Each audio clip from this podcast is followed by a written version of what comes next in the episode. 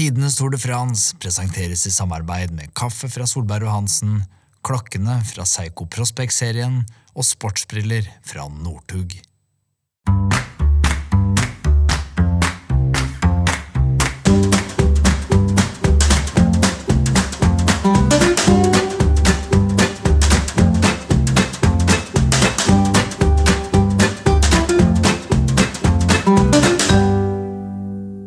Hjertelig velkommen til tidenes Tour de France. Jeg er Hanso, og vi skal som vanlig vi skal gå gjennom de gamle og gode årgangene av Touren.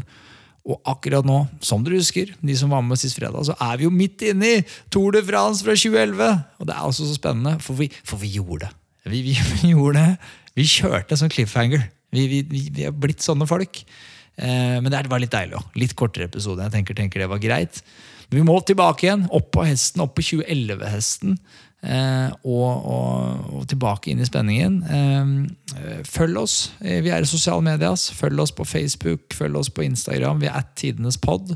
Jeg er Tansorino. Eh, Jarle er ikke her. Jeg er Fredagsvik. Plag han masse. Eh, men eh, vi hopper tilbake tenker jeg, inn i samtalen med Edvald Baas Nagen. Vi sitter på The Service Course, og vi snakker Tour de France 2011. Men etappe ni går fra Issoa til Saint-Flo. Eh, og her er det da en etappe med flere klatrere på menyen, og da går det brudd. Da er de i gang. Eh, og der er vi selvfølgelig Vauman Føkler. Han var hissig, han var jo generelt hissig på grøten, men det året her var han jo veldig hissig på grøten. Skulle ikke gå ett brudd uten at han hang seg på. Hva husker du om Føkler? Han er jo ja, alltid der og spretter rundt i sykkelstilen som hopper opp og ned. Han, han, er, han er, må jo være uhyre populær i Frankrike? Ja, det kunne være litt slitsomt å sykle med han i fjella når mm. alle heia på han. Ja. Men uh, Thomas, Thomas, Thomas. Men jeg skjønner det. jeg skjønner hvorfor han er populær. For han har liksom, det er, Følelsen er så vanvittig utapå drakta. Det er liksom ja. bare Det var veldig mye, mye greier. Ja. Kanskje Men, mye, litt for mye? Ja, Noen vil si det. og Kanskje en av dem. Men uh, det er jo gøy når det er såpass populær og absolutt fortjent. Så han er stor, han. Men du, når du sykler Tour of Norway, så er det en del som roper Edvald. Det er jo det. Så også. jeg må jo si at det, det er jo gøy, det òg. Ja. Så jeg skjønner jo at han liker det. Jævlig kjipt for Forkler, selvfølgelig, når ja. han sykler i Norge. Ja. Han er kanskje ikke så ofte her. Men uh, ok. Jeg har et innspill her på en delt Jeg vet ikke om du har snøst opp det. Men uh, det jeg husker, er altså Tour de France. Det er helikopterlyden panorerer over et område, begynner å zoome inn på et skogholt. Og der ligger det masse ryttere nede i grøfta. Det er en kjempevelt. Den er mye verre enn den i Chateau Eh, altså, rittet blir nøytralisert. Her stopper alle opp på liksom full opptelling og bruddet med forklere sånn. Ha det, dere får bare stikke. Og så husker jeg jo det zoomer liksom inn av hvem leiter etter en Astana-rytter. Og så ser du to-tre mann ja. bærer Vinokorov opp fra grøfta. Og han har tatt uh, femur, er ikke det lårbeinet, og et eller annet i hofta. Og han klarer jo ikke å stå på beina. De skal, altså, de skal ikke prøve å få han til å sette seg på sykkelen, de skal ha han opp til nærmeste ambulanse. Og også min venn Fanne Broch velter ut av uh, rittet sammen med Fredrik Wilhelms. Uh, begge tar kragebeinet. Dave Zabriskie, det er vel Garmin, får brudd i håndleddet. Og en annen ting som er ganske dramatisk der, er at bak Zabriskie sitter David Miller og Thor Hushovd. Ja. Og det er én rytter som blir slengt ut i grøfta. Zabriskie bare flatt inn i autovernet og stopper der. Sykkelen hans sklir ut i veien. Thor Hushovd hopper hopper eh, slash eh, Jeg vet ikke hva dere gjør, men han, han kommer seg unna sykkelen som ligger foran Jeg vet ikke hvordan dere gjør det i full fart, Edvald, for det var litt på vei ned den bakken også. Men det er noen ja. som for det, det, på, det er noen som er drita gode på det. Sånn som Frenk Slekk, for eksempel. Han sykler jo inn i alt. Han, han er jo sånn som en gammel kjerring på sykkelen. Ja. Mens, mens, du og Tore sånn, føler jeg er litt mer kontroll på hva dere driver med. Ja, Man må jo alltid ha blikket fram, og det er jo noen som ikke har det. Og Da er du mer forberedt når du se litt fram på hva som kan uh, komme. Altså Frank Sjekka glemmer å se? Det er det som er problemet hans? Eh, noen kan glemme litt hva ja. de driver med, og ja. andre veit ikke hva de skal gjøre, og hvordan de ja. håndterer sykkelen. Og da, Det er en fordel å ha litt, ha litt uh, bike handling eller kontroll da, på sykkelen generelt. Det er lurt i feltet. Det er mye som skjer uventa. Ja, det, det ser så skummelt ut. Det, går- ja, det, det går så fort. Da. Jeg, tror, tror jeg kanskje Jeg innbiller meg at jeg har en viss forståelse, men jeg tror ikke jeg helt skjønner liksom hvor fort det går når man sitter og ser det på TV. Nei, da får du ikke noe... Vi har jo kjempeoversikt. Vi ser jo bare flyfoto. Vi, så så jeg bare å kjøre unna. Hvorfor kjører den ikke bare på sida her? Det er jo så Nei. greit. Det er eh, verdens enkleste ting å sitte i sofaen, i hvert fall. Ja, ja. Så Absolutt. du får ikke innblikk av hva fartsfølelse det er i sofaen, og i hvert fall ikke hvor vanskelig det er å få med seg alt som blir sagt. Eller sånn å gjøre riktig avgjørelse er vanskelig fra sofaen. Eller altså, fra sofaen er det veldig enkelt. Ja. Fra sykkelen er det vanskelig. Og bare det å manøvrere seg. Hvis, jeg, hvis du er på den siden, og så skulle du egentlig vært der, så er det sånn Men Edvard må bare, Bare gå, han må bare gå over der. Er- Hvordan i all verden skal han fly da over? Akkurat det. Så det er ikke bare året å eh, komme seg gjennom de lukene som er. Og eh, Det var det en ting er helikopteret, all lyden, publikum. Det er mye inntrykk, eller mange ting som skjer. Og da å tenke riktig i alt sammen er ikke alltid like lett. Det er deilig med ekspert som etterpå sier sånn du burde bare vært på andre sida. Ja, alltid Hvorfor, var du- hvorfor var du ikke det? Hvorfor var du på andre det sånn, Nei, ok, jeg skal fortelle deg et par ting. Jeg, din. Nei, men jeg synes det er imponerende at dere holder, har den tålmodigheten. Det hadde jeg, hadde ikke giddet. Jeg hadde kjørt en mye mer sånn, hva faen snakker du om? Men jeg er heldigvis ikke prosyklist. Men det er jo ikke, det er jo ikke sånn at det ikke er brød. Det var jo drama i hovedfeltet. Men det blir jo Ja. noe drama foran nå, den tappen her. Det er jo litt eh, dårlig nytt for Thor, egentlig. At eh, det nøytraliseres såpass mye at bruddet kan bare stikke, liksom. For der ryker jo også trøya til Thor. Altså, det var kanskje ikke sånn krise isolert sett. Men uh, i det bruddet så sitter jo Jonny Haageland, Luis Leon Sanchez, Sandy Cazar, Nikki Terpstra og Forkler. Og Forkler eh, de sitter og regner i bilen her på sammenlagtlister, og de skjønner at han overtar gul trøye, så han eh, gir Haageland muligheten til å komme først over de fjellene de skal over, sånn at han sikrer seg klatretrøya. Og så skal de holde unna for feltet på veien, så får han gult. Men så eh, din venn Juan Antonio Fletcha, han eh, blir jo påkjørt av en eh, bil fra France 1, altså en Ja. TV-kanal, som jeg tror de har noen VIP-gjester ute i løypa og sånn, Han holder på å kjøre inn i et tre, han. Ja. Og så må man liksom vri seg unna det treet, og så bare Oi, der var jo en syklist! Man bare meier rett ned. Og så faller jo Fletcha, eller han drar med seg Haageland og sender han en sånn baklengssalto mot hale inn i piggtrådgjerdet. Ja, fordi- han henger jo korsfesta når eh, de andre ja. kjører videre. Men altså, og maken til uflaks. Det sånn, det er jo et jorde her. og du, at, at, Hadde en uhellet her skjedd hvor som helst, eller andre steder, så hadde du landa liksom, delvis mykt i gresset. Men de klarer liksom selvfølgelig, altså, Haageland har jo så uflaks at det skjer jo akkurat på den delen av løypa hvor, det, hvor den dumme bonden har satt opp noe piggtråd. Så han ruller jo over og ligger, som du sier, kort, korsfesta Ja, henger han i piggtråd. Ser helt forferdelig ut. Men Edvald klarte jo også å treffe på gjerdestolpe under Gent Wevelgem, så han vet jo Det er lett å treffe det som du ikke skal treffe når det skjer. Men eh, Ja. den, eh, det er sånn av og til. Men uh, sinnssykt uflaks med piggtråd å få den i leggen. Fikk dere noe info om det, eller hører man at på, at rytter har blitt påkjørt? Jeg antar det går over radioen på et vis? Ja, man hører jo det på radioen, men ja. vi visste ikke hva som hadde skjedd, eller hvordan det var. Men eh, Helt til så du kom syklende forbi og du ser han henger i Han var vel ute igjen da, men han hadde vel ganske bra Løsna piggtråd. heldigvis ute igjen. Men eh, bra. det er jo eh, det er jo leit når sånne ting skjer. Ja. Han gir seg, han sykler ut i mål, da. Men, eh, men inn. Lu- Leon Sanchez vinner. Sånn som han, De tappene han vinner, er jo alltid bare erketypisk Louise Leon. Eh, og så eh, tar uh, Føkler trøya, som du sier. Jeg må si noe mer, for jeg kommer aldri til å glemme Jeg tror Haagland kommer inn 17 minutter bak eller noe sånt, og skal jo opp på podiet for å få klatretrøya. Han står jo der og strigråter. Og etterpå, etter at han er ferdig på podiet, så drar han til legen og syr 33 sting. For han har jo revet opp leggene og rumpa og gudene vet hvor. Eh, og Jeg husker også eh, Sant Flor. Det var en sånn eh, festningsby. Og det er jo noen av disse byene man kommer til i Tour de France som ikke egner seg til å huse en målgang i det hele tatt. Og det her var en av de. Hvor det er bare busser og biler og folk overalt, og vanvittig kaos. Og når jeg er der aleine som journalist, altså hvor starter du? Starter du med liksom eh, Van den Broek og Vinokoro og de som velta ut? Eller skal du fokusere på Haageland? Eller skal du ta Thor, som mista trøya Ja, si? Ja. Og så løper du rundt og bare prøver å få noe her og der. Så husker jeg jeg kom litt sånn seint til Thor. Den norske pressekorpset sto og snakka med han i en bil. For han, eh, ja, han skulle bli kjørt vekk, han skulle ikke sitte på med bussen. Og så er det jeg og journalist fra NTB, som Thor kanskje ikke var sånn kjempeglad i utgangspunktet. Så han sveier på en måte opp ruta, for da er han ferdig, da. Men den bilen kommer jo ikke noe sted, for det er jo fullt kaos. Da sitter du og står og titter inn, du. Vi gjør det. Og så er det sånn Hei, Tor, du vet jo hvem vi er, liksom. Og så bare må vi banke på til slutt, da, for å se om han sveiver ned ruta. Og da gjør han faktisk det, og tar liksom noen korte svar og sveiver ruta opp igjen. Men jeg husker den situasjonen her når vi står utafor og ser inn i bilen, og han ser ut for oss og bare gidd- Gidder jeg å svare på enda flere spørsmål? Han har nettopp tapt gul trøye da. Det er ikke verdens er kuleste dag for han heller. Nei. Så Ja. Heldigvis for Jonny Hågeland og, og temperamentet til Hushovd, så er det hviledag etterpå. Og, og det, jeg syns hviledagene er så fascinerende. Fordi de er, hva, hva, gjør, hva gjør dere, liksom? Det er jo ikke alltid hvile, nei.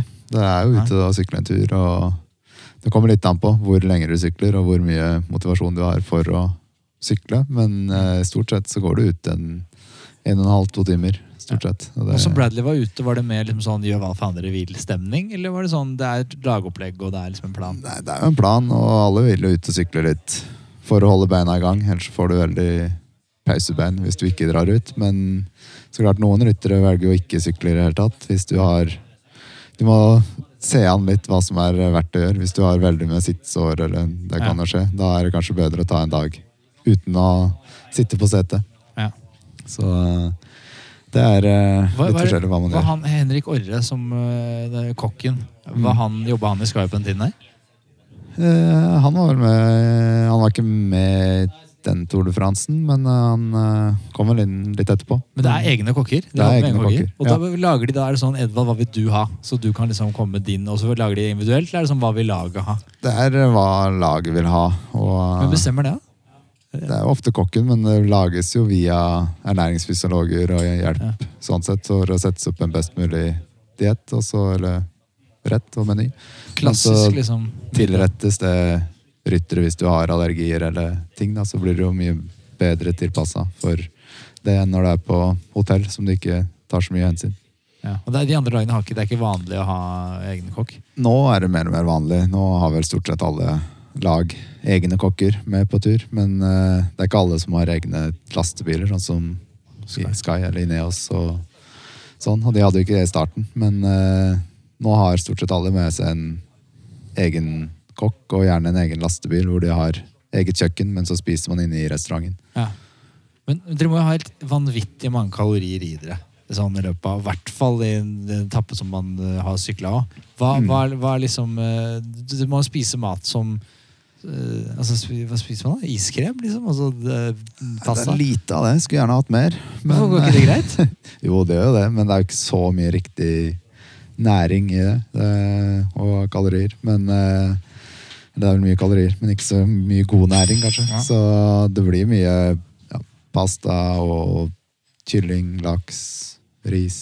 Ja. Sånn karbohydrater og proteiner og alt som skal til. Og grønnsaker, så klart. Du må ha mye grønnsaker og, og sunn mat.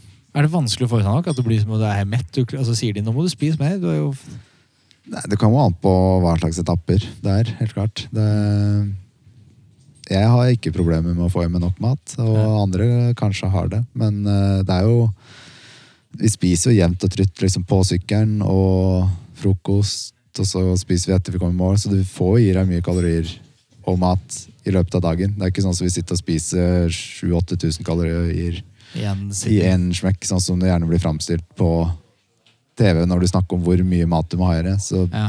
blir det jo bare lempa opp på et bord Ja, ja, hvor mye det er. Og da ser det jo sinnssykt mye ut, men når du fordeler det ut på en hel dag, så er det overkommelig. Ja. Men det er i hvert fall viktig å få i seg nok mat, og ikke sulte seg gjennom Tour de France. Da får du lite energi til slutt. Men det er, noen, det er noen som spekulerer i ikke å sylte seg, da, med at de kommer inn litt tunge, spurtere kanskje, og så skal de på en måte, på en måte bli lettere gjennom Har ikke Kristoff hatt litt sånn suksess med det? Jeg har hatt spekulert litt i det.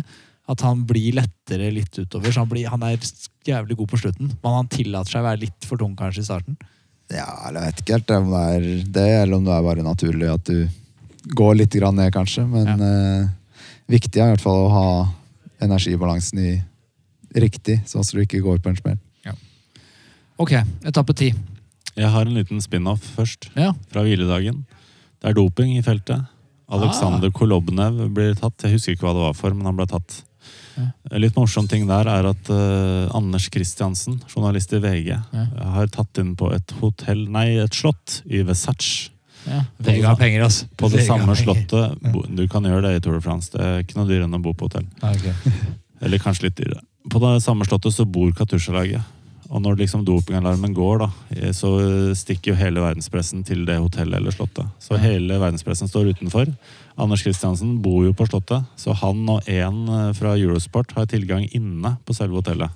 Så her er det virkelig snakk om en scoop. Så her er du, bruker du de kontaktene Nei, du har? jeg bruker ikke det. Nå snakker jeg for Anders sin del. Ja, men du må jo melde han og si du må du, nå må du Nei, nei, dette er, konkurranse her. Ja, ja, ja. Han skriver for VG Papir, jeg skriver for Pro Cycling. Vi er jo en annen liga, sånn sett. Ja. Men han lister seg opp i hotellgangen der når de skal raide sivilpolitiet kommer og skal raide hotellrommet hans. Og Ja. får beskjed om bare kom deg ned trappa. Og så står han liksom nede i foajeen der, da. Og da kom, fører jo sivilpolitiet Kolobne ut. Og Anders eh, tar fram kameraet sitt og tar et par kjappe bilder, for dette er jo krutt. ikke sant? ja. Kolobne blir rasende og vil ha tak i minnekortet.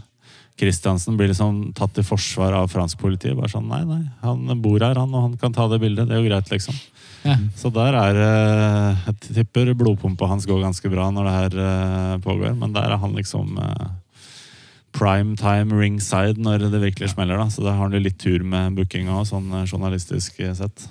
Det, er ikke, det er vel ikke sjokkerende nyheter at Kolobne blir tatt doping. Det er, det er mye røyk, og det er sjelden eh, Det er sjelden eh, Eller det er ofte ild hvis det er mye røyk. Er Ja, nei, Vi var vel ikke sjokkert over det, men jeg husker som sagt ikke hva han ble tatt for. Men det var sikkert et eller annet eh, rusk. Og dritt. Etappe ti. Aurillac til Carmot. Eh, relativt udramatisk dag, annet enn at Cavendish taper en spurt. Det var jo, det skjedde jo ikke så mye. men vet, du, kan du se for deg Nei, han ble kjørt da. Nei, han satt med. Han Sorry. Han, med. Han, Han hadde lite folk. Renshaw og Eisel slapp i den siste fjerdekategorien. Hadde litt lite folk. Ja, det Det var er vel han- Greipel som tar den. Greipel som tar den. Ja. Eh, Hushovd er oppe der, faktisk. Eh, etappe 11. Også vanlig i dag, flat. Eh, bør ikke dvele ved den etappen her, tror jeg. Cav vinner spurten. Snakkes. Det er sånn han gjør det på den tiden her. Vinner alt. Eh, Edvald, du er oppe på femteplass her. Viser gruende, gryende god form. Og så er det etappe 12. Kugnat opp Luz Ardiden. Jeg må komme en liten innrømmelse her først. fordi etter eh, målgang i, eh, på dag 11 i Lavour Mm. så kjører jeg til Toulouse, tror jeg, og overnatter okay. der. Og så kjører jeg videre opp til eh, Bordeaux, hvor jeg skal ha en hviledag dagen etter. Og så reiser jeg hjem. Jeg er ferdig med årets Store Flans-dekning. Så eh, altså Edvald hadde jo vunnet en etappe. Tor Hus hadde vært i gult. Ja. Jeg har jo tima deg perfekt. Ja. Au revoir. Da stikker jeg. Ha det bra. Jarle ut. Ikke, ikke mer å skrive om. Og på den, ja, Vi kan ta Lusa den først. Ja, Ja. Etappe tolv. Ja, inn i Pyreneene. Eh, litt drama. Siste bakken. Angriper Samuel Sanchez. Samme gjelder van Endert. De tar en bruddet. Eh, settes ut av høyt tempo i GC-gruppa. Faller folk av. Og så angriper eh, Frenk. Frenk Schleck. Jeg kaller han Frank. Jeg, det er, han er en Frank i min bok. Eh, men Føkler henger på. Henger med. Eh, og så, men han klarer ikke da altså Frank Schleck klarer ikke å ta igjen Sanchez og van Endert, så Sanchez vinner etappen. Men Frank Schleck tar da tid på Evans og co. Og det er jo fortsatt, Vi tror vel at det er Anders Schleck som er favoritt eh, eller er kaptein i Leopard Trek, men de har jo, de Schleck-gutta er jo vonde. og Hansen og begge kan jo hevde seg. Ja, og så fortsetter jo den der eh, berg-og-dal-mannen til eh, Contador. Det her var jo ikke hans, eh, hans Tour de France, egentlig. Og en annen ting her er jo at uh, Geraint Thomas går jo i brudd på en uh, saftig fjelletappe i Pyreneene. Blir kjørt inn like før slutten. Jeg har alltid lurt på det med deg, Edvald. Eh, Jeg har sett på deg og Geraint som uh, litt sånn uh, lignende typer i starten av karrieren. Og nå er du NTT-kaptein, og han har vunnet Tour de France. Ja, det er det. Hvor overraskende var det for deg at han kunne vinne Tour de France en dag?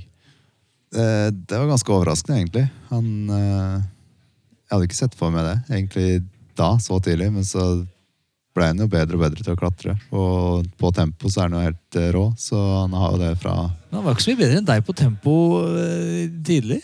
Du også er jo Nei, i ram på tempo.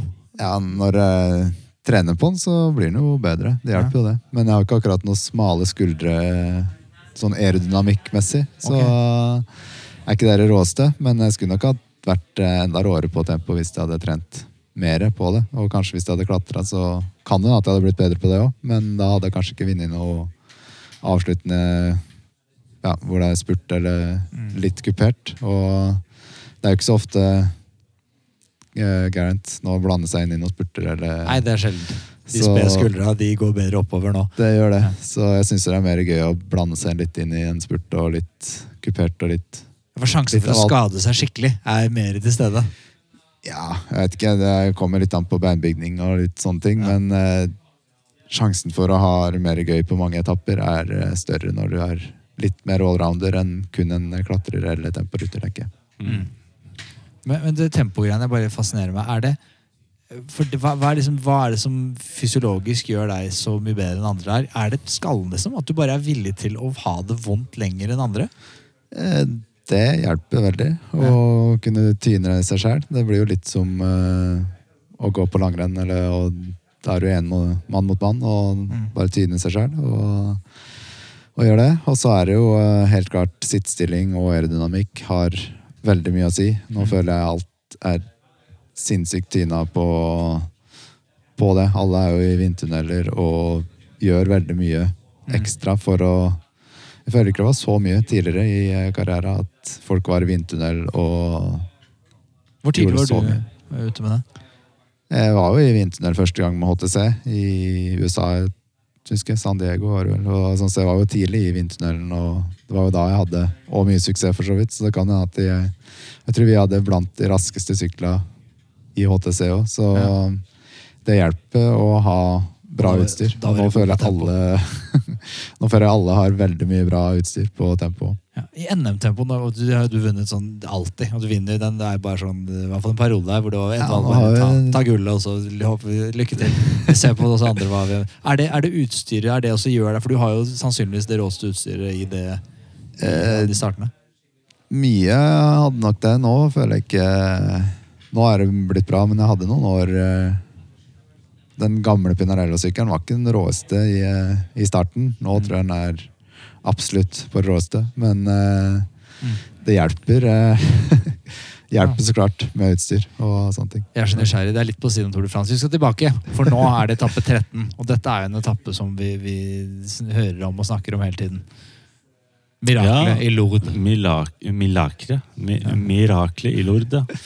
Ja, det er jo et eh, brudd da, som går sånn som det gjerne gjør. Og en av de som sitter i bruddet, eh, er jo Jeremy Roy, som jeg må nevne. Fordi han var på Han var førstemann. Han var førstemann over Tourmalet Ja. eh, dagen i forveien. Altså han har vært ute på et monsterbrudd. Han var jo sammen med Joanne Thomas og er jo litt sånn sliten, tenker jeg. Man skal i bruddet her også. Og Der sitter også Martin Chalingi, Tor Hushov, Dmitrij Fofonov, Edvald Baasan Hagen, Jérôme Pinot, David Moncoutier, Alessandro Petaki, Lars Bach og Vladimir Gusev. Og på vei oppover Col d'Aubisque, det er eh, 16,4 km, 7 i snitt, så angriper Hushov like greit, han da. Ja. Ni kilometer fra toppen. Han sier jo etterpå at han kjenner jo denne klatringa godt og vet at den er snillest i starten. Så han tenker at han angriper der, og så ser han hvor lenge det varer og hva som skjer. Ja, og så Hvis han da får litt sånn Northug gjør i langrenn, da kan han sige seg litt bak, og så kanskje han liksom henger med over toppen. Og så blir han henta inn da, etter hvert av Jérémy Roy. Ja. Og så kommer David Moncoutier. Ordentlig klatremus. Ja, han er veldig klatremus. Og uh, Edvald Baasen Hagen prøver å følge Moncoutier. Ja. Og er ikke så langt unna han, men du klarer ikke helt å få hjulet hans. Nei, det er ikke helt klatremus. Nei, men ja, vel, den turen der så var du framme i klatreskoa. Greit. Så det som skjer da, over toppen, så er det Roa først. 53 sekunder bak Moncoutier. 2.03 bak sitter Hushovd og banner litt for seg sjøl. Ja. Her har jo toget gått. Men de kiloene som jobber imot oppover, de skal han få bruk for utfor. Og Tor Huse var jo ram på å kjøre utfor også. Han var jo veldig fall, sies. Jeg, jeg, bare, jeg må stole på det folk sier. Folk sier sånn at Tor Huse er så rå, Nibal er så rå. Jeg klarer ikke å se helt forskjell. Altså, annet enn Frank Slekk, selvfølgelig som jente av den gamle kjerringa som sitter og så stive skuldre. Men utover det så ser det ut som at alle Jeg kan ikke, jeg kan ikke se på TV at Tor er raskere enn deg utfor. Jo, er det, det kommer veldig an på. Du ser jo forskjell på folk i feltet. Og um, Thor var absolutt For den er gæren, liksom. Kalkulert gæren, tenker jeg mer. Ja. Fordi han var jo aldri sånn krasja. Folk er jo Ja. gærne og krasjer, men han krasja jo ikke mye. Nei. Der også er det tips å se framover. Det er det. Å planlegge og prøve å se utgangen av Ja. svinger og sånne ting. Og Ja. noen klarer det mye bedre enn andre. Å planlegge kjøringa utfor. Sånn som jeg har fått det forklart, da. eh, spurtere eh, og litt sånn klassikertyper, litt sånn tyngre, de er bedre egna for det her enn eh, GC guys og liksom ja, lange, spinkle. Altså Thor har et eller annet, han legger liksom vekta si over, og liksom, han satser jo veldig, da. Og timer og, og leser svingene og liksom Ja, Og vite hvordan sykkelen håndteres utfor. Det Ja. er jo noen som ikke har peiling og bare hogger inn brems. Forbered, altså bruke feil brems hvis du kommer en, en Ja, det er alltid eh, dumt da, når du bruker forbremsene og stuper. Ja, eller du skal jo bruke gjerne mer forbrems enn bakbrems, egentlig. Skal man det? eh, helst det, ellers så slipper du bakhjulet. Men For du har mer bremsekraft på forhjulet. Men er, Det er det helt motsatt av hva jeg lærte jeg tok sykkelprøven i fjerde klasse. ja, kanskje. Det var kulere å sladde rundt. Kanskje Ja. mer da. Men, Men du eh, bruke, forbremsen skal brukes mer enn bakbremsen? ja, det er 60-40 Eller altså Ja, ja. Det er ikke akkurat det. Men eh, du skal i hvert fall Men det er en sånn fingerspitzgefühl du lærer deg til, liksom? Det gjør det. Og i hvert fall ikke hogge den inn mer når forhjulet slipper. Så er det lurt å slippe opp igjen bremsen. Det er jo litt sånne teknikker du lærer etter hvert. Ja. Og noen er bedre enn andre til å kjenne når uh, hjula slipper og sånne ting.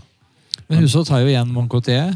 Ja, men Thor er veldig smart, fordi han tar igjen uh, Moncotier tidlig, men han øh, holder seg sammen med han. For han vil at han skal hjelpe ham til å kjøre inn uh, Roa, eh, som har faktisk en grei ledelse. Men eh, med 20 km igjen så er det 1.05. Eh, 15 km så er det halvert, og når det er 10 km igjen så er det 18 sekunder mellom Moncotier og Hushovd og opp til eh, Roa. Eh, Og jeg må jo si at Det er jo ingen i Norge som vil høre det her, men fokuset til Roa er klatretrøya. Som sagt, han var i bruddet på Tourmalet eh, dagen i forveien og Mm. tar jo og forsvarer jo klatretrøya si. Så han er jo egentlig ferdig. Eh, så han, han klarer det å hente. Og så går jo eh, Thor ganske kjapt i strupen på Moncotier og bare setter i gang litt sånn Edvald power-spurt fra ingenmannsland. Det er jo feige lag. Altså Moncotier og Tor Hushovd på flatspurt er sånn, det er vi snakkes. Det er Men det er a man on a mission. Han er Ja. utrolig innbitt den dagen her. Og I VM-trøya. ja, i VM-trøya. Det er store, store saker. Altså. Han, han blir målt til 112 km i timen eh, på vei nedover. Er, er det bra, Edvald, eller hva har du som beste notering? Det, det er vel rundt 110 eller noe der jeg er, ligger an. ja. Så um, det er jo ikke noe jeg skryter av. Det er mer bare å følge feltet. Men eh, da skal du i hvert fall være fokusert og vite hva du driver med. Men du vet jo aldri hva som kan skje uansett. Men eh, det er bare å satse på at det går bra, og være fokusert og se fram som generelt utfor. Men nå er du en voksen mann som sitter her. Har du begynt å liksom droppe å være gal i utforkjøringen nå, eller uh, skygger du unna de mest grisete massespurtene, eller tenk, hvordan tenker du annerledes nå når du er, er eldre? Jeg tenker Jeg har alltid vært ganske kalkulert type. Men, uh, og jeg er jo med Jeg slipper aldri feltet når det går utfor, men jeg er ikke den som ligger på ramma midt i feltet for å suse forbi feltet når det er langt til mål. Det er liksom ikke noe vits å, å ligge på ramma og da kjøre i et høl eller krasje og lage en velt. Da er det bedre å bare sitte normalt på sykkelen, og du tjener jo ikke noe på det. Så er det en spurt, så er jeg med der og, jeg tar den kampen som skal til da. Men ja, så Tor Hushovd vinner, og vi eh, jubler i Norge. Og det er jo Tour de France er i hvert fall eh, levert eh, så langt. Vi setter altså så stor pris på at eh, folk følger med, kommenterer, skriver til oss, eh, og ikke minst at dere vurderer, altså rate podkasten i, i podkast-appen. Altså, Apple er noen som har hengt seg opp i det at det er litt sånn diskriminerende. Apple er jo veldig ratingvennlig. Eh, Men alle, alle, liksom, alle som sprer ordet, det setter vi pris på. Og alle som er med og sprer ordet, skal selvfølgelig være med i trekningen som vi har, eh, hvor man kan vinne en Seigo-klokke til en verdi av nesten 9000 kroner. Eh, vurder podkasten i podkastappen, og så send oss en, en direkte melding på Instagram eh, eller Facebook. Og, og skriv at eh, du har gjort det, eh, og send oss eh, e-postadressen, så vi kan få tak i deg så, så er du med i trekningen. Altså. Men igjen, vi, vi er helt, eh, det er kjempemoro at dere orker å høre på det nerdepratet her om sykkel. For det er jævlig nerdete. Det er Så ærlig må vi være, alle mann. Og kvinner. Kjempegøy at ikke bare for vi var, Det var også en ting. Vi var redd det bare skulle være gubber eh, som satt og nerda med dette. Men det er jo alle. Unge, gamle, eh, kvinner og menn. Og det er, det er kjempegøy. Håper dere fortsatt liker det vi driver med, så skal vi bare bli, vi skal bli enda bedre. Vi skal faen meg bli råere. Ok, det var egentlig alt. Rate podkasten, eh, og bare fortsett å eksistere. Vi elsker dere. Og så er det etappe 14, som går opp til Plateau de Bay. Eh, der eh, er det et brudd som går. Eh, Kjempebrudd. 24 mann. mhm. Sande Kazar sitter igjen. Ja. og Plateau de Bay. Og så sammenlagtfavorittene pluss et par andre sitter bak. Uh, Føkler henger med. Eh, og så er det Gjelle van Endert. Eh, eller først Anders Lech som prøver på forsiktig, noen forsiktige angrep, eh, men får ikke gå. Gjelle van Endert eh, er jo harry harmløs i sammendraget. Og så er det kun Samuel Sanchez som går etter. Og så vinner Gjelle van Endert foran Sanchez. Og Føkler forsvarer da den trøya han vant. Og da begynner man å se konturene at han klatrer jo som han aldri har gjort før. Basso begynner også angrepet på slutten her. Ja, yes. Han er så, han er så forglemmelig. Ja, Ja, Det er vel litt, litt sånn eh, Slekk-gutta prøver å tyne Evans og sette litt mer tid på Contador. Så eh, fighten er jo i høyeste grad uh, i gang. Og så er det jo Alpene som skal konkludere der. Det er jo jubileumsversjon for Alpene, så Riktig. de forventa vel ikke noe avgjørelse i Pyreneene uansett. Um, yes. Etappe 15. Siste flatetappe før Champs-Élysées. Så da gjør HTC det de kan for å sørge for at det blir en massespurt. Og Cavendish vinner jo. Bare vinner. Ja. Bare vinner. Ja, hva faen? Fort gjort. Nei, jeg, for, jeg er fort gjort, altså. Og han gjorde det. Og så er det en hviledag eh, som kommer før vi eh, skal inn i Alpene. Ja. Etappe 16. Mellomhard etappe fra Saint-Paul-Trois-Chateau til Gap. Oi. Ja. Ja, 162,5 km. Andre kategorien cold demands er det viktigste som skjer. Eh, og så er det jo et lite brudd som får gå. da. Der sitter eh, Marco Marcato, Tony Martin, André Grivko, Tor Hushovd, Allan Perez, Edvald Baasen Hagen, Ryder Hesjedal, Dris Stevenins, Mikhail Ignatiev og Jeremy Roy. Jeremy Roy, altså. Ja, så det er jo Cold Demands der som er spennende, og, og Hesjedal angriper jo der og prøver å sette Båsen Hagen litt i en skvis. Uh, Hushovd sitter på hjulet til uh, Båsen Hagen. Båsen Hagen prøver å tette luka opp til Hesjedal, eller komme seg nærme, nærmere Hesjedal på vei over toppen. Tror han er 13 sekunder bak på toppen. Og så havner jo en situasjon eh, inn mot Gapp, og det er en ganske stygg utforkjøring der. Jeg vet ikke om du grunna noe over det, men du kjører jo Belokis-vingen på et punkt der, sammen med Hesjedal og Hushovd. kjent utforkjøring der, ja. Som eh, det er ganske berykta. Eller den er jo det. Og, eh, Men dere tok, tok dere det pent, eller var det Det var ikke veldig pent, det.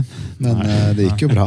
Alle kom ned, så Men den, den er ganske røff utforkjøring. Og ja, jeg husker den, men jeg husker mer eh, de siste Meter. meterne. Ja. Man kommer jo inn der, så er det blitt feige lag. Ignatev blir jo borte. Og så Mm. er det Hesjedal og Thor som da sykla på samme lag. Garmin. To mot én mot deg, Edvald. Det var det. Så, Det er feige lag, altså. Det er jo det. Og, men jeg hadde jo trodd at det skulle være mer støting fra Hesjedal. Men eh, han støter jo egentlig aldri, og kjører jo mer et opptrekk. Men jeg har egentlig alle forutsetninger for å ha en god spurt, men ingen vil åpne, og vi venter, både jeg og Tor, og på at noen skal åpne. Og en eller annen grunn så er jeg litt uoppmerksom og kikker ut i lufta og ikke får med når Tor åpner, og vips så er vi over mållinja og blir jo For de gjør egentlig alt riktig. Fordi at som du sier, Hesjedal de er- de ypper seg ikke så mye som de kanskje skulle gjort. Nei. Den riktige måten å ta deg på er å angripe annenhver gang, og så må du gå etter alle. Ja. Men de gjør det ikke. Eh, men eh, altså er det som skjer. Og da var du, hvor forbanna er du da? Altså selvfølgelig, Hele Norge jubler, og Tor Huse har vunnet, og han Ja, var helt alt, og så står du der. Og det er jo kjempegøy. og det jo Andreplass Tour de France, du hadde jo vunnet på tidligere. Altså, det er jo åpenbart en så vellykka Tour de France, men du visste var så Jeg følte liksom at jeg hadde gjort feil først å være uoppmerksom og vente så lenge. Det, Ja. det var jo 150 meter normalt sett, så det har jo alltid gått for tidlig. Og altså, så var du jeg- raskere enn Husold på den tida, var du ikke? Du i hadde hvert bedre fall spurt. veldig tett på og like, så jeg skjønner ikke hva jeg dreiv med der, da. Men eh, det har jeg fortsatt tenkt på. Men i hvert fall så ble jeg ganske irritert på meg sjøl. Det var jo ikke noe andre enn å være meg sjøl å være irritert på. Men uh, Du, du kikker deg to ganger over skuldra. Ja, jeg lå inn Ja. på én side for at det var kun på venstre side han kunne komme. Ja. Men jeg, jeg ser jo ut mot høyre, så jeg skjønner ikke, han hadde ikke mulighet til å komme der. Så Ja, for det er bevisst og du, du, du legger deg Men det er så, man er så Det er smart, men det, det tenker man ikke på når man ser som TV-seer. Men du legger deg selvfølgelig da helt ut i kanten av veien på høyre side. Så, Ja. så det, du vet at du skal få med deg når angrepet, kommer. det kommer. var jo det tanken var. Men eh, jeg vet ikke hva jeg tenkte der. Det var et glipp som var uh, Ja. Kosta meg eventuelt en bra plassering. Eller det var jo en bra plassering med andre, men eh, det var jo surt uansett. Men hele Norge Bra, jubler jo da, uansett. Og dere journal- sykkeljournalister eh, kan- presterer jo også å si at det er trippel norsk. Fordi Hesjedal har en tante som eh, fra Norge. eller sånn. Ja, noe sånt. Eh, Så ba- Bak favorittene, Contador angriper der. Vi bryr Ja. oss ikke så mye om det. Men han får Ja, med seg Evans. nevne, nevne da at Evans og Samuel Sanchez og Contador tar et halvt halvt minutt på Slex og Føkler. Riktig. Så ja, de, de klarer å putte litt i sekken der. Eh, og så må jeg si at ProCycling.no var jo nå representert ved Petter Tenstad. Så vi var jo der tilbake nå, Ja, selv om jeg dro hjem. Eh, det er kjekt å vite. Eh, Vi er jo et seriøst sykkelmedium. ja, ja, men det, bare så det er sagt, det er det råeste sykkelmedium i Norge. Uten tvil. At det var hevet over enhver enhver tvil. Det er jo de, og, og, og de andre mediene stjeler jo av procycling over en lav sko. Eh, Så, så lenge lever procycling.no. Men Edvard Baasen Hagen legger seg sint den natta. Og når han eh, våkner opp, så er han fortsatt sint. Og på den forbaska planen hans så står det nye 179 km mellom Gapp og Pinerolo. Edvald har jo ikke lyst til å stille opp engang, han har bare lyst til å dra hjem, for nå gidder han ikke mer. Men han sier, han sier ok, jeg skal kjøre denne etappen nå, da, så ser vi åssen det går. Men, men altså, hva tenkte du den morgenen her? For at når jeg ser på den, når jeg ser på fjellene her, så skal vi over 1, 2, 3, 4, 5 kategorierte stigninger. Og det er, det er røffe det er var kate- Første kategori, andre kategori, andre kategori, tredje kategori, tredje kategori. Det, det er jo de røffe fjell, altså. det var det. Men det var også ganske sikkert at det skulle være et brudd som skulle gå inn. Så Ja. sjansene man hvorfor veit dere det? Det er liksom sammenlagtstilling og hvordan det ligger an i de forskjellige konkurransene, og så er det også etappeprofilene. Du Ja.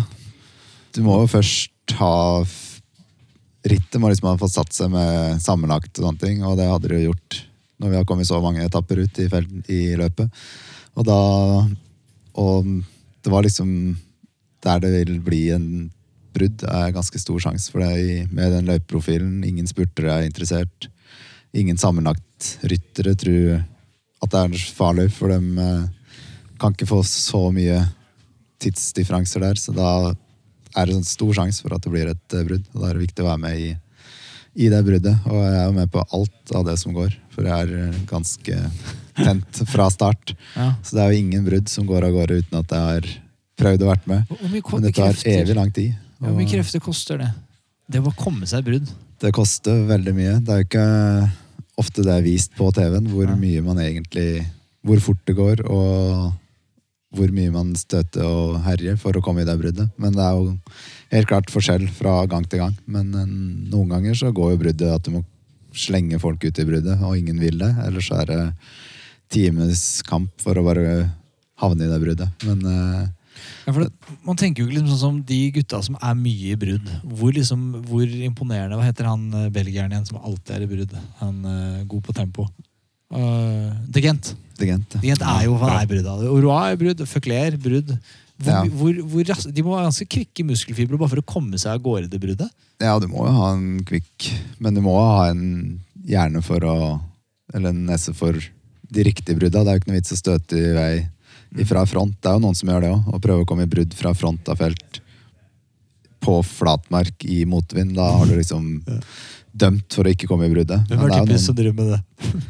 Nei, jeg vet ikke. Når eh, Kom ikke på noen akkurat nå. Når, men eh, det er jo mange som prøver seg på den måten, og da er det ikke så rart de ikke havner i bruddet. da. Jeg må bare nevne en ting, for jeg har lest litt om det her i forhold til det bruddet her. Og Garmin leder lagkonkurransen. Så de vil ikke la det gå et brudd uten at en av de eh, sitter der, helst. da. Eller så skal ikke de, eh, Leopard for eksempel, som følger de tette, skal ikke få gå i det bruddet. Mm, det er en én grunn kamp. til at de setter seg fram og kjører og samler det. En annen ting er at Thor Hushovd prøver jo å komme seg med i brudd. Mm. Altså Dere var jo hakk i hæl under hele den Tour de France her. Og hvis jeg ikke tar feil, så prøvde han å kjøre seg opp til dere, men mislyktes. Så han vil egentlig også blande seg inn på denne etappen her. Hvordan, hvordan er stemningen mellom deg og Tor her? Altså, her er dere Begge to er jo nordmenn, og dere er jo du har vunnet etappe, Tor Huse har gult, og vant jo da etappen i forkant. Hva Er det sånn at vi er kompiser og heier på hverandre, eller er det nå er det liksom, det er litt kamp? For dere har litt samme rolle. Vi hadde jo litt det, men vi var jo på forskjellige lag, og begge ville jo ha sin egen suksess. Og vi snakka jo sammen i feltet og var bra kamerater. Og ikke noe Det var ikke noe vondt imellom hverandre. Det var bare at eh, alle begge hadde lyst på sin egen suksess og var tent. Og, og åpenbart var i god form, og da var det muligheter for å gjøre gode stunt for hver for seg. Hva er det man snakker mest med? For det, dette er, jeg, synes er veldig fascinerende. Det at man- Dere er jo så god form, så veldig ofte når det er flate etapper, sånn, så, så dere ligger og sykler Selv om det går raskt, så er det snakketempo. Ikke sant? Ja, det blir en del En snakking. Det er jo mye, mye timer. Hvem er, det du, hvem er liksom dine go-tos å prate med i sykkelfeltet? Det er jo ofte de i feltet, og så er det andre nordmenn, så klart. Nå har jo Tor slutta. Nå er det Kristoff og Svein Erik og ja, de andre nordmenn som er i, i feltet, som jeg snakker mye med. Og så Hvem er de beste buddies? Av de, er det på laget, eller er det folk på andre lag? Eller er det sånn Det er jo engelskspråklig? Åpenbart engelskspråklige eller norske som jeg kan snakke med, for jeg kan Ja. ikke noe andre språk. Men, eh, eller, så da blir det det. Eller så er det jo de jeg har kjørt på lag med tidligere, som jeg snakker med, som jeg kjenner. Eller, Ja. eller nordmenn. Så du finner jo alltids noen å snakke med. Ja, ja. Ja, så er det jo begrensa hvor det er jo, det er jo ikke et sy, altså, det er jo ikke et syselskap. Det er jo ikke det. Først og fremst, da. Så man må jo alltid være fokusert òg. Ofte når det er ufokusert at det skjer krasj. Hva er det som babler mest? Hva er det som er sånn ordentlig faen, så er det, da, sy, er det sånn syselskap bak her nå?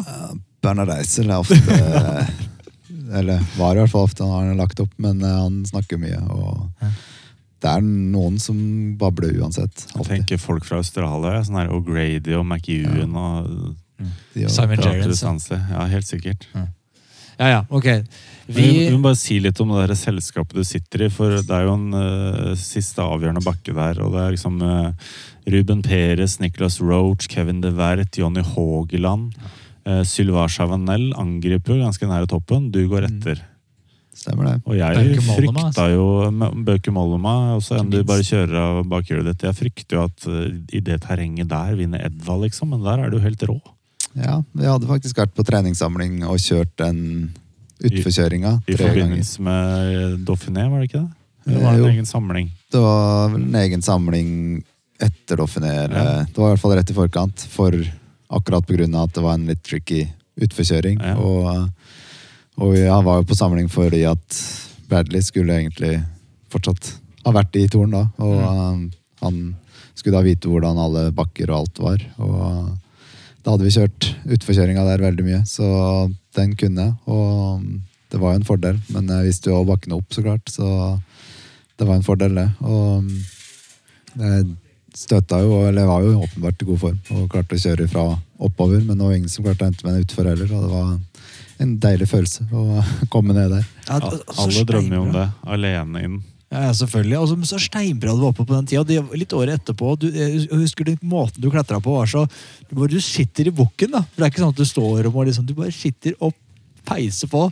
Det er sånn at du kjører tempo opp de, de bakkene. Nei, det var, jeg står sjelden uansett egentlig på sykkelen nå, men uh, det var åpenbart en eh, bra klatreform da. Ja, og så kommer du alene inn til mål uh, og, og vinner. Foran Bauke Mollema og Bauke Mollema og Sandik altså. Ja, det er imponerende. De kan jo klatre, de. Ja, de har klatra før. Det skjer litt drama bak favorittene. da, i den der grønne drakta si med Sky og fantastiske minner og bilder. Altså. Han er Ja, det. Strålende fornøyd og var så blid etterpå. Stilte opp i masse intervjuer, og alt var eh, rosenrødt og fint. Ja, det var ikke noe grunn til å ikke være glad da. Ja, hva skjedde bak da han så? Eh, blir drama der. Contador og Slekk angriper eh, litt bak, men kommer ikke av gårde. Føkler angriper da nedover. Det tenker han, og det er jo smart tenkt, Ja, ja. fordi han er jo ikke så god som de andre oppover. Men han har ikke øvd så mye på utforkjøringa som, som, som deg. Så, Så- da er det jo dumt. Ja, det er, og det, Han er jo da ute i skauen ved to anledninger. Eh, og det ender faktisk med at han taper tid. Eh, på det greiene der. Han burde bare ligge bak. Eh, så det er riktig. Så det er alltid, Skal du angripe nedover, pass på at du har gjort det før. Altså, du kan det. Det er fordel. Men skal vi hoppe over på Galivier? Galivier. Eh, Etappe 18. Ja, det, det, er jo taktisk oppvisning fra Leopard Trek, og det minner meg litt om Bjarne Riis og liksom CC-dagene. Mm. Eh, 19 mann i brudd over Col Dagnell, og Leopard Trek sender med to mann. Det er Johs Postuma. Han skal hjelpe, hjelpe Andy over eh, Isoar. Og så har du Maxim Monfort, som de sparer til Galibier. Mm. For han angriper jo ganske tidlig på Isoar. Veldig eh, Anders tidlig. Og det er ingen av de andre gutta som også, Hva gjør han for noe, liksom? Det holder aldri. Ingen som tør å gå etter han. Og det her, her er det jo smash and grab og forsøk på game set and match eh, for å vinne Tour de France-tittelen. Fantastisk eh, utført sånn rent taktisk eh, sett. Inni Galvier så har han da fire minutter på de andre favorittene. Mm. Der Evans nå sitter de med holder tempo, og der er vi tilbake til den plaginga. For da sitter jo han Ja. der i Frenk eh, bak og sitter, og er terger Og de trekker jo ikke en millimeter. Eh, og da gnisser jo Evans tenner, han, og ligger, men han klarer liksom å ta litt eh, innpå. Kjører inn litt. Eh, men eh, Og så spurte jo Frenk forbi på slutten og tar andreplassen. Riktig. Så rimelig stor eh, slekkdag eh, i Alpene. Den største slekkdagen. Men Føkler forsvarer jaggu meg trøya, da. Mm. Klarer å, altså Så vidt, men, klarer å komme inn og, og sitter fortsatt da. Men nå leder han da Tour de France med 15 sekunder på Anderslek og 1 minutt og 8 på Frank. Og så er jo Kedel Evans hakk i hæl, da. Men du Edvald, du hadde jo drikket champagne hele natta. Eh, husker du om du kom innenfor uh, tidsgrensa på den etappen der? For det var en svær gruppe som ikke gjorde det, deriblant Cavendish, som egentlig bare skulle ha røket rett ut av eh, rittet. Ja, jeg, Se etter deg på lista her, skal vi se. Jeg tror jeg er var innafor. Hushovd Jeg tror jeg var og innafor. Ja. Ikke innafor, eller? Nei. 35 minutter bak. Hvordan fungerer det når dere legger dere i gruppettoen? Er det sånn man spekulerer litt i at de kan ikke ta alle oss? Ja. De Det var var de litt spekulasjoner da. De kan ikke ta, altså, du, men da snur man seg og ser som faen to Husås sitter i Ventrøya. Cavendish sitter her. De kan faen ikke ta oss. Det var nok eh, litt den tanken da, ja. Hvor Men, eh, irriterende er det da hvis en bare begynner å sette opp et tempo? Det er jo alltid noen som gjør det, men eh, da er det noen som roper at uh, stå Vær samla her nå, ikke, ikke spreng gruppa her nå. Når det er så langt bak, så er det det. Men uh, det, er, uh, det er ikke mange ganger jeg har vært ute av Så han må jo alltid respektere tidslimiten, men når det er så mange som er utafor, så er det vel Da kan de vel ikke ta han ut. Så han må Det blir litt spekulasjoner da, men folk tror jo gjerne at det er enkelt å sitte i den der gruppettoen, men uh, det går jo fortere enn de fleste turister, altså amatørsyklister, klarer å sykle noen gang. Ja, selvfølgelig. men eh, folk skjønner jo ikke at det går eh, så fort som det egentlig gjør da, og Nei. det er en kamp for spurtere å klare å overleve de fjella som er. Man er redd for tids eh, ofte. Ja, man er jo det. Jeg er ofte i gruppa foran enn den siste tidslimiten, fordi det er eh, alltid tryggere å ha et lite safety-nett der. Ja. Så jeg liker ikke å være i siste gruppa, da føler jeg meg litt utrygg. Men uh, så lenge gruppa er stor nok, så er det jo alltid en større trygghet. Ja, men det er litt som du sier, Man tenker sånn her i gruppettoen, det kunne jeg blitt med på. Det høres hyggelig ut. Det er deilig stemning. deilig Skåler man og Ja. drikker cola og Det er det verste egentlig å være der. Sånn, folk er bare sure og irritert på hverandre fordi de er der og er slitne. Og lunta er ofte kort på de som er mest sliten. Men eh, som regel så klarer jeg å være der eh, med ganske grei margin. Ok, Vi går videre da til etappe 19. Der er det siste fjell med toppfinish. eh, Og dette er jo en, en eh, dag på, hvor det skjer mye dramatisk, og aller minst egentlig i Frankrike. For dette, datoen for dette er jo da 22. juli 2011. eh, Hvor det også skal bli litt bråk og terror og, og forferdelige ting på hjemmebane. Eh, Det skjer jo underveis i etappen at det skjer det på, i regjeringskvartalet og på Utøya. Får dere noe, noe som helst melding om det i, i feltet? Nei, jeg visste ingenting jeg, før jeg kryssa mållinja, og TV 2 var veldig tilbakeholdne og Å, ja. ikke sa noen ting. Eller den, var liksom, eller de sa jo hva som hadde skjedd, og bare sånn Hvis du vil si noe, så kan du det, og hvis ikke, så behøver du ikke å si noe. Og da skjønte ikke vi egentlig hva som hadde skjedd, når eh, vi kryssa linja og hadde ikke sett noen nyheter, så klart, og hørt noen ting. Så Så merka han egentlig mest på at journalistene ga mer rom enn Ja. de vanligvis gjør. det var liksom ikke noe Kom ikke akkurat løpende eller gjorde noen ting. Det var bare det var veldig rar stemning da. Og når jeg kom på hotellrommet, så var det jo helt rart og ja, uvirkelig å være der og lese alt som hadde skjedd. Men, men blir, det, blir det en sånn som at, eh, at de andre i feltet og de internasjonale mediene, bare fordi du er norsk, slett, så, så blir det på en måte som at de vil høre din mening og høre hva du har å si, eh, fordi dette skjedde i Norge, altså ditt hjemland? Ja, det var jo ingen som skjønte helt hvordan det kunne ha skjedd, eller hvem som kunne gjøre noe sånt. Og, så det var jo en rar, generelt rar stemning. Så ja, og fælt, så klart. Ja, det, det aller verste. Eh, men, eh, men det var jo det var en dramatisk etappe i Toren, dette her òg. Vi, vi, eh, kort etappe. Tre høye fjell. Eh, avslutning opp Sagnomsuset d'Huez, Mm. som vi har snakka om i mange episoder. Vi, pratet og spør hva, hva, hva, hva syns du om Altues? Akkurat dette året, hvis man, vi løfter oss og snakker om litt mer lystig, hvordan er det andre år man, går i, man kjører opp d'Huez? Eh, Det er jo en bakke som er eh, er historisk og kjent, så klart. Og jeg har aldri kjørt full gass opp der, fordi jeg har alltid vært i en gruppetto eller en, aldri hatt noe mål om å gjøre noe fort opp den bakken der uansett. Det er ikke det hyggeligere? det er hyggelig å kjøre opp der gjennom eh, nederlandske svingen, og det er jo helt sinnssykt eh, trøkk. Og ja, du lukter jo øl og sprit i lang vei gjennom folkemengden der, og blir heia fram, og så kommer du opp til norske svingen når du er snart i mål. Det, det er jo så mye folk, og de har jo forskjellige navn ut fra hvilke nasjonaliteter som har samla seg mest der. Og det, det er utrolig gøy å kjøre opp der. Og så er den ikke så bratt og fæl som det kan være. Sånn at du klarer å holde jevn fart og liksom kommer deg opp uansett. Ja, for, og jeg antar at folk holder på urinen. At de har brukt opp urinen når du kommer. Da er Froome har blitt uh, kasta på, liksom. Så det, det, blir ikke, det er hyggelig. Det er jo hyggelig ja. stort sett når vi kommer. Eh, nei, men jeg, Det har jeg som på min, uh, min bucketliste. Det er jo å, dra på pilegrimsferd til Alpe d'Huez. Eh, nå er det jo mest stas, for nå kan jeg stå der og vinke, og så kanskje du husker meg. Ikke du og bør være der. Ja, ja, ja, ja. Det er, det er der man bør. Bør oppleves, ja. Det er der man bør dra hvis man skal som, se. Jeg har vært og sett én etappe. Det var i Nim i 2004-2005. Ja. Det, Ikke så altså, det er jo mange fjell og etapper. Alle har jo sin sjarm. Men en flat spurtetappe så får du ikke med deg så mye som du gjør i fjell. Men eh, det kommer an på hva du har lyst til å se. Ok, men etappe 19 opp Alpe S. Um, uh, allerede til 16 km angriper Contador. Han har tydeligvis ikke gitt opp uh, helt uh, ennå. Nei, han var veldig sånn and cold. da. Han, var, eh, han velta jo en del og var på etterskudd hele veien. Og så noen ganger så glimter han til. Eh, Så her kommer han jo opp til toppen som tredjemann og tar eh, 20-25 sekunder igjen. Men eh, Pierre Rolland tar etappeseieren. Eh, Samuel Sanchez eh, blir nummer to. Føkler sliter veldig, eh, mister vel trøya. Ja, her har han mistet trøya. Ja. Kell Evans er heller ikke så veldig fresh. eh, Han får noe mekanisk trøbbel, men han ordner seg. Men så Ja. Han kommer jo inn her, og, og det går greit. Eh, også, men det er samme, det er ingen endring da, i, i mellom de eh, toppfavorittene.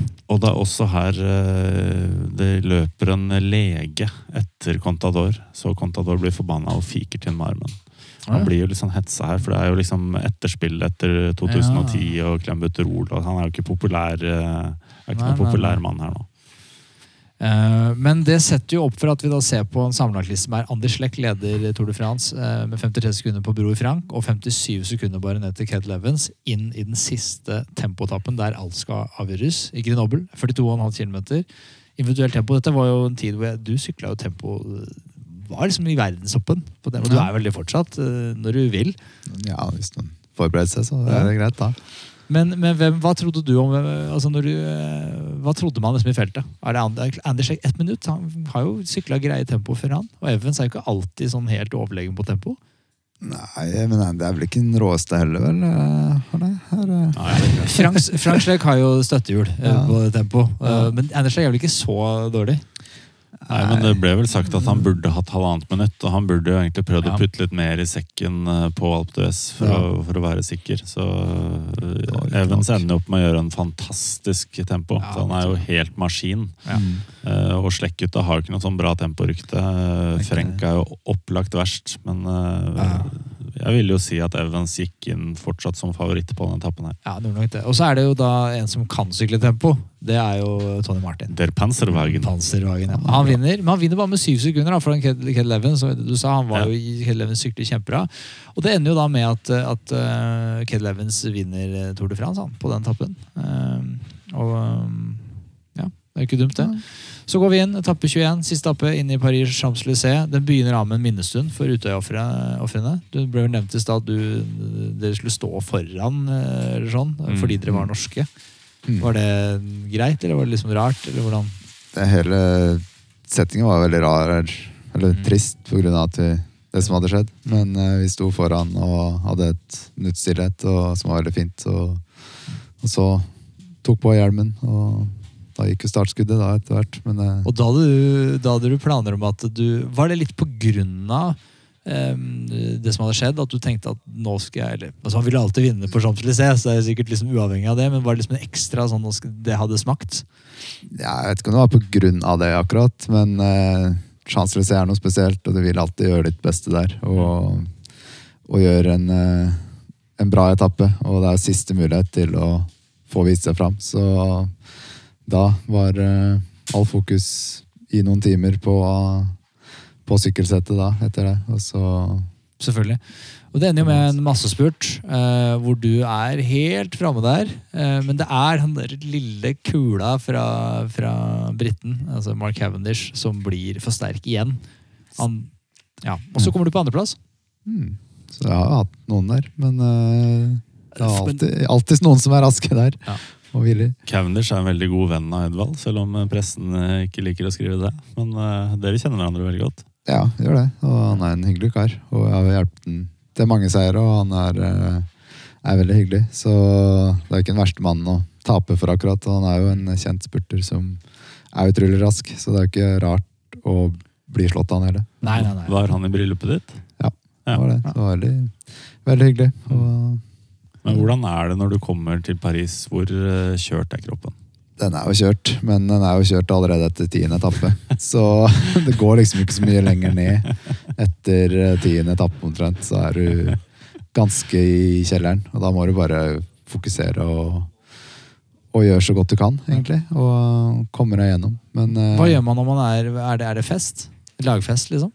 eh, ja, den 22. etappen kan være veldig hard, den. Hvis du Så det hender, det. At Det, det, det, er, det, er den, det er noen som gruer seg til den. da. Faen, det er en fest, og det, da må vi Ja, det kan skje, det. Men, så ikke mye dråpen dråpende alkohol til når du er så nedkjørt i kroppen heller. Nei, absolutt ikke. Nei. Men uh, det kommer helt an på hva slags program du har etterpå, og Ja. hva planene på laget er. Men uh, det hender jo at det er en god fest, og andre ganger så er det ikke noe. Hvor, Eh, hvor er det den banketten her? Er ikke det på noe sånn Hilton-hotell, eller? Det tror jeg er forskjellig fra lag til lag hvor du har det, Ok. og så samles du vel på et utested som ikke husker navnet på. Ja. Ja, ja, min, min venn Petter Tenstad i Pro Cycling var jo på en av de festene en gang, og da så han at alle gikk rundt og bar på sånn der bøtte med flaske oppi. Og Der var det en flaske vodka oppi, da, så det, den ville jo også Petter ha. Eh, og ble, fikk jo ganske hakeslepp da, når han fikk regninga på 300 euro. Men det var jo visstnok noe man måtte kjøpe på det utestedet. Ja, det er riktig. Og han hadde ikke så mye penger som syklisten som hadde vunnet. Nei, jeg skjønner procycling-greiene. Ja. Det var ikke så lett å sende reiseregning. De, de har en sånn liten oppgave. Det var bare en greie på ja. Ja. Nei, jeg skjønner. Hvem er, hvem er som er hardest på Bradley Wiggins? Han var jo dratt, han. Så fikk ikke med Han hadde reist. Ja, så han måtte Randi ta mer ansvar. Pokker, det er røft. Jeg skjønner at den blir røff. Nei, men du hadde jo, dette var helt sinnssykt. Altså, det, det er som du sier, det er jo det råeste. Og, det, og Hushovd trekkes jo fram, hadde gull trøye, og, og Lord eh, trekkes veldig fram. Men sånn jevnt over Det er vanskelig å si hvem som presterte best. men Du har fått høyere plasseringer og flere andreplasser enn han hadde her. Det var, så men gul trøye, det er ganske Ja, det er- Jeg vil er- si det er en ganske grei, er eh, grei satsing. Ja, det er godt å fortsatt ha mulighet til å gjøre det. Nei, men men, men eh, altså, var det, mye, det var mye å feire. Men eh, det er ikke så mye mer å si. Dette, er, dette er for meg, 2011 tror jeg er en av de aller kuleste toleransene. Fordi, fordi jeg er som alle andre. Jeg er en sånn sucker for nordmenn. En nordmenn som gjør det bra. Jeg syns jo det er stas. Ja, Det er jo det. Det er jo gøy å være nordmann når man gjør det bra. det er dritgøy. Det er, jo, det, er jo, det er derfor vi bryr oss om langrenn. Det er ingen andre som bryr seg om langrenn. Men vi bryr oss fordi at vi gjør det så jævlig bra. Jeg syns det er veldig bra at vi har klart å, å lokke vår aller første aktive sykkelproff inn i studiet. Jeg syns det er litt stort at vi har Edvald her i dag. Ja, kjempebra. Det er Kjempebra. catch, er Egentlig altså. han som har invitert oss da, til The Service Course. Det er jo, Ja. Sånn sett. Ja, Det er jo hyggelig å ha dere i Service Course. det er bra. Det er bra. Eh, det er vel ikke så mye annet å snakke om her. Mark Cavendish vinner den grønne trøya. Du snakka om den hvite trøya. Det er Pierre Roalin som vinner den. Så er det Garmin da, som vinner lagkonkurransen. Thor hadde jo en råbra Thor. Altså. Det ble litt vodka på de da. Det blir noe vodka på Jeg tror han er partyløve? Jeg kjenner jo ikke han. Ja, men, eh, det er vel ikke avholdelse, i hvert fall. Nei, jeg skal si noe mer. Nei, nei, nei, nei vi, vi får høre kanskje han- vi får han med, så kan vi høre med han. Ok, nei, men uh, Dette har vært kjempehyggelig. Tusen takk for at vi kom, og takk for tiden. Altså. At du gidder å henge med oss når du egentlig burde trent. Så vi håper har, at, jeg har trent før i dag, så det er bare å komme seg hjem etter hvert. Det skulle gå greit. Så håper at dette er Jeg har trua i år. Altså. Jeg merker det, kjenner det på energien her. At i år så kommer det til å smelle. Det det. Det blir bra. Gleder meg sjæl. Og så skal jeg bli med, på, bli med deg på noen sånne gravel runs. jeg. Ja, Skal jeg gjør det. Det må alle andre lyttere gjøre òg. Yes. Møtes opp. Kom. Ok, ha det fint. Ha det bra. Adios.